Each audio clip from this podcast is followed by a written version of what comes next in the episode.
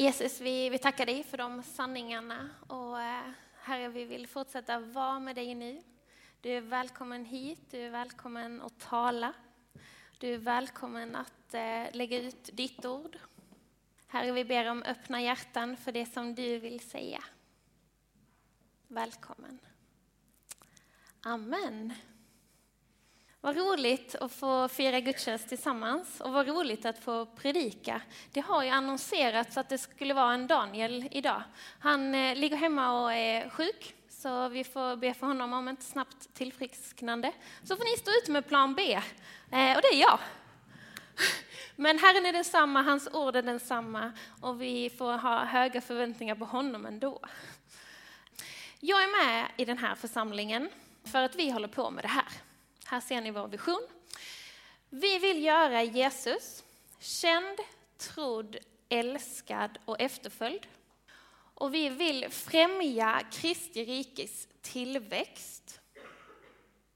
Och det gör vi genom att leva nära människor, nära Jesus, nära människor mitt i Helsingborg. Det är därför jag är med här. Det är därför jag är kristen överhuvudtaget, för att jag tror att Jesus är på riktigt. Och jag tror att han har avslöjat sig för den här världen och då är han värd att följa. Och då är han värd att lägga ner sitt liv för och arbeta tillsammans med honom. Och idag, så efter gudstjänsten, har vi här eh, årsmöte. Så jag kommer att tala lite i vi-form i min undervisning och då menar jag vi som eh, brukar vara här. Brukar du inte vara här till vardags eller inte än tro på Jesus ska du inte känna dig exkluderad för det utan snarare väldigt inbjuden till det vi är och gör här. Så Jesus håller på med att eh, utbreda sitt rike i Helsingborg. Han längtar efter att varje individ här ska få bli upprättad. Att varje individ ska få komma till tro på vem han är och få, få se mer av sanningen. Och jag är tacksam och glad att vi får spela en del i det. Gud är inte beroende av att jag är på banan. Han är Gud ändå och han håller på med det han gör ändå. Han är inte beroende av att jag är med, eller du är med. Han är den han är ändå, han behöver inte oss. Men han väljer att samarbeta med oss. Han vill ha med oss att göra. Han längtar efter att vi ska hitta vår plats i det som är hans rike i Helsingborg. Och han längtar efter att du och jag ska få känna oss trygga i den platsen.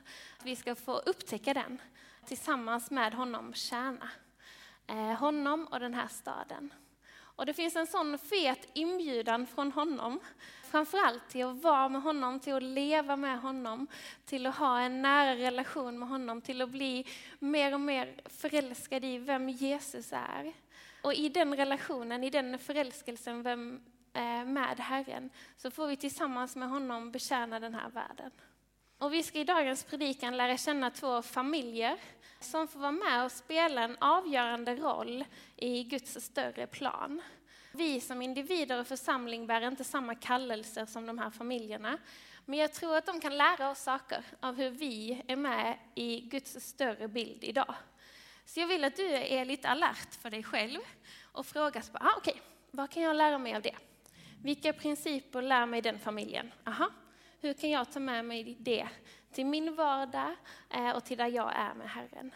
För det är intressant att bara läsa om någon, men det är intressant när de familjerna och de personerna utifrån Guds ord får lära oss någonting så att vi kan fortsätta det som Herren håller på med från, eh, från början och som han tänker fortsätta göra. Så vi ska lära känna två familjer, eh, framförallt två par. Ett äldre par de är till åren komna, de är barnlösa ofrivilligt. De har länge längtat efter att få barn. Vi ska få lära känna ett yngre par. De är nyförlovade, kanske tokförälskade. Och de, eh, inte heller med barn, eh, eller så. Så där är, det är två par. Och båda de här paren får en övernaturligt möte med, eh, med Herren. Och båda får ett positivt graviditetstest. Det fanns inte riktigt på den tiden, så Gud brukade, han sände änglar då och så bara, du ska ha barn till båda familjerna. det äldre paret mottog detta med stor glädje. Det är klart, det var ju länge, länge de har längtat efter att, eh, att få, få bli gravida, att få en till i sin familj. Det yngre paret har inte samma direkta glädje. Det är nästan så att pappan i den familjen, han, han överväger att lämna sin fästmö för han känner sig inte riktigt delaktig. Så det är två väldigt olika stories med väldigt många principer att hämta. Den ena familjen, där heter föräldrarna Elisabet och Sakarias. Eh, och vi kan läsa om dem bland annat i Lukas första kapitel. Och vi ska få, eh, jag ska läsa för er det, den delen av graviditetsuppenbarelsen. När ängeln kommer till pappan i familjen eh, och berättar vad som väntar. Jag läser från Lukas 1 och 13. Men ängeln sa till honom, frukta inte Sakarias, din bön har blivit hörd. Din hustru Elisabet ska föda en son åt dig och du ska ge honom namnet Johannes. Du ska få fröjda dig och jubla och många kommer glädja sig över hans födelse. Ty han ska bli stor inför Herren. Vin och starka drycker ska han inte dricka och redan i moderlivet ska han bli uppfylld av helig ande. Många av Israels barn ska omvända sig till Herren, deras Gud. Han ska gå framför honom i Elias ande och kraft för att vända fädernas hjärtan till barnen, omvända det olydiga till ett rättfärdigt sinnelag och så skaffa åt Herren ett folk som är berett. Här får eh, Sakarias en uppenbarelse av Herrens ängel och, och veta att äntligen så ska Elisabet, min fru, få, få bli gravid. Men det är också lite detaljer som följer från Herren om vem Johannes som kommer att födas är och vilket uppdrag han bär. Han är den som ska gå framför Messias. Han är den som har ett uppdrag att bereda plats för den kommande Messias. Sakarias är jättemedveten om det här. Han är, han är hemma i skrifterna och han längtar efter att Messias ska komma. Så när ängeln kommer och säger till honom att din, din son ska få vara med och bereda plats för den kommande Messias, den kommande eh, konungen. Han ska få vara med och eh, omvända ett folk. Han ska få vara med och lära ett folk lydnad till Herren. I den andra familjen så är det, är det mamman som får, den, som får änglauppenbarelsen. Eh, och det händer i samma kapitel och i vers 30. Jag läser för er där. Så sa ängeln till henne, till Maria. Frukta inte, Maria. Du har funnit nåd hos Gud. Se, du ska bli havande och föda en son och du ska ge honom namnet Jesus. Han ska bli stor och kallas den högstes son. Och Herren Gud ska ge honom hans fader Davids tron. Han ska vara konung över Jakobs hus för evigt. Hans rike ska aldrig få något slut. Maria sa till ängeln, hur ska detta kunna ske med mig? Ingen man har rört vid mig. Ängeln svarade henne, den heliga ande ska komma över dig och den högstes kraft ska, ska få vila över dig. Därför ska också barnet kallas heligt och Guds son. Och se, din släkting Elisabet ska på sin ålderdom också få en son. Hon som man har sagt är ofrukt, ofruktsam, hon är nu i sjätte månaden. Ty för Gud är ingenting omöjligt. Maria hon sa, se, jag är Herrens tjänarinna. Må det ske med mig som du har sagt. Och ängeln lämnade henne. Här är många spännande detaljer. Maria får i uppdrag att, eh, att bära Herren själv. Undrar vad det var hos henne som gjorde att Gud valde just henne. Hon fick i uppdrag att, att bära Gud själv. Att till den här världen bära honom, föda honom och uppfostra honom. Och hon inspirerar mig mycket. Tänk att få lite av den, av den lydnad som Maria har. Tänk att få lite av den, eh, den trofasthet i Herren som hon bär. Tänk om jag på något sätt skulle få, få be den bönen. Ja, jag är din tjänarinna. Låt det bli med mig som du har sagt, Gud. Vad är det i henne som har lärt henne det? Och hur kan vi få vara en gemenskap där det är enkelt att eh, förbereda sig för det? Och där vi kan få, få be den bönen. Ah, jag är Herrens tjänarinna, jag är Herrens tjänare. Låt det bli med mig som du har sagt.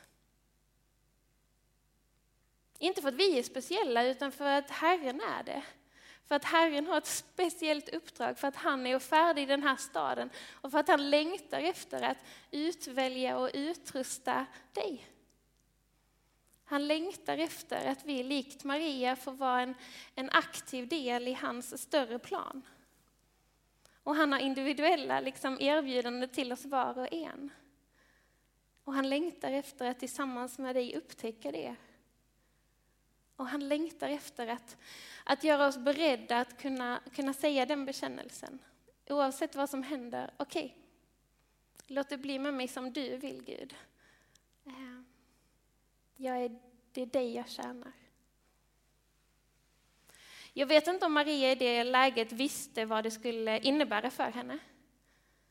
Men hon visste att hon skulle bli gravid, hon visste att ingen man hade rört vid henne, hon visste kanske att Eh, Josef inte skulle jubla, jag vet inte. Ändå så säger hon, låt det bli med mig som du vill. Hon visste kanske, hon anade kanske hur omgivningen runt om henne skulle reagera. Ett barn utanför ett äktenskap, hur såg man på henne där på den tiden? Ändå så ber hon i lydnad och i, i liksom trofasthet mot Herren, låt det bli med mig som du vill. Jag ska säga lite mer om den andra familjen och vilken framtid den väntar. För vad som händer med Maria, kanske har vi hört den storyn, kanske vet vi vem barnet där är och vad, vad, vilken tjänst av försoning som, som Jesus förstår i. Men de hänger ihop de här grejerna och det som får hända för eh, Sakarias och Elisabets son Johannes. Han eh, fick eh, ett uppdrag som kanske inte var så nice.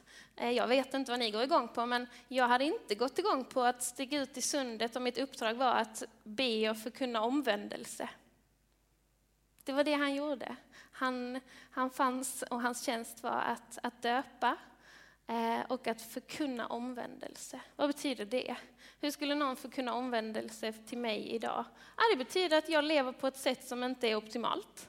Det betyder att det finns saker i mitt liv och sätt jag bär som jag behöver vända mig ifrån.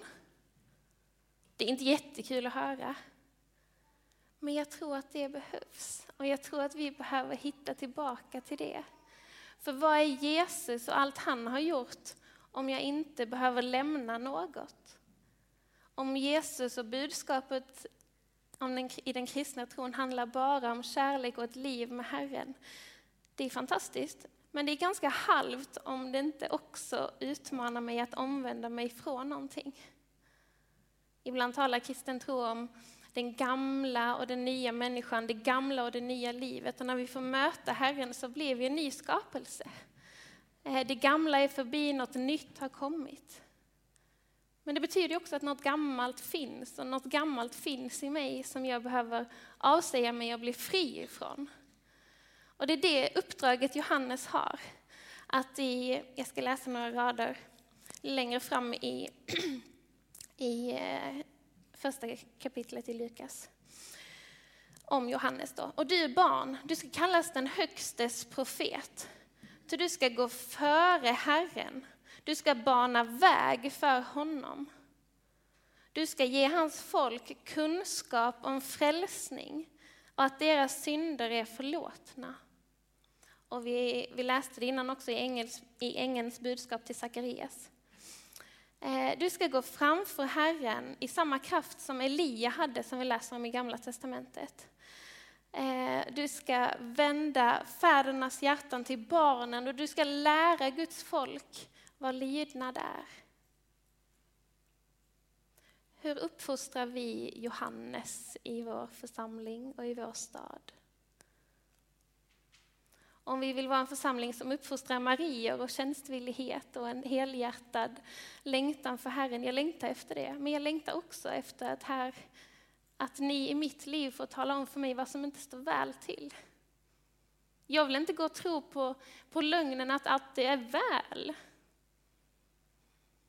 Och jag vill inte tro att eh, utan jag vill vara med i en gemenskap där ni kan säga både det nådefulla och sanningen till mig.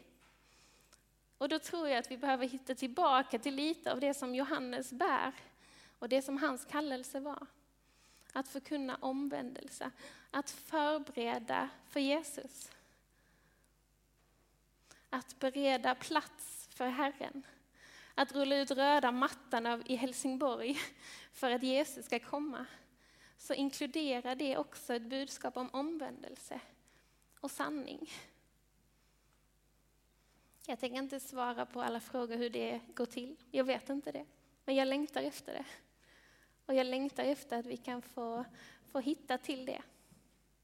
Att vi kan få vara en församling som gestaltar hela budskapen om Herren. Att vi förkunnar frälsning, räddning, försoning, ett upprättat Helsingborg. Men också att vi vågar tala sanning om vad som går före. Vad omvändelse innebär. Och hur jag gör det. Hur jag i mitt eget liv får verktyg från att vända bort från en världsbild där Isa är i centrum. Och få vända till en världsbild där bara Jesus är i centrum. Där bara hans saker är de viktiga.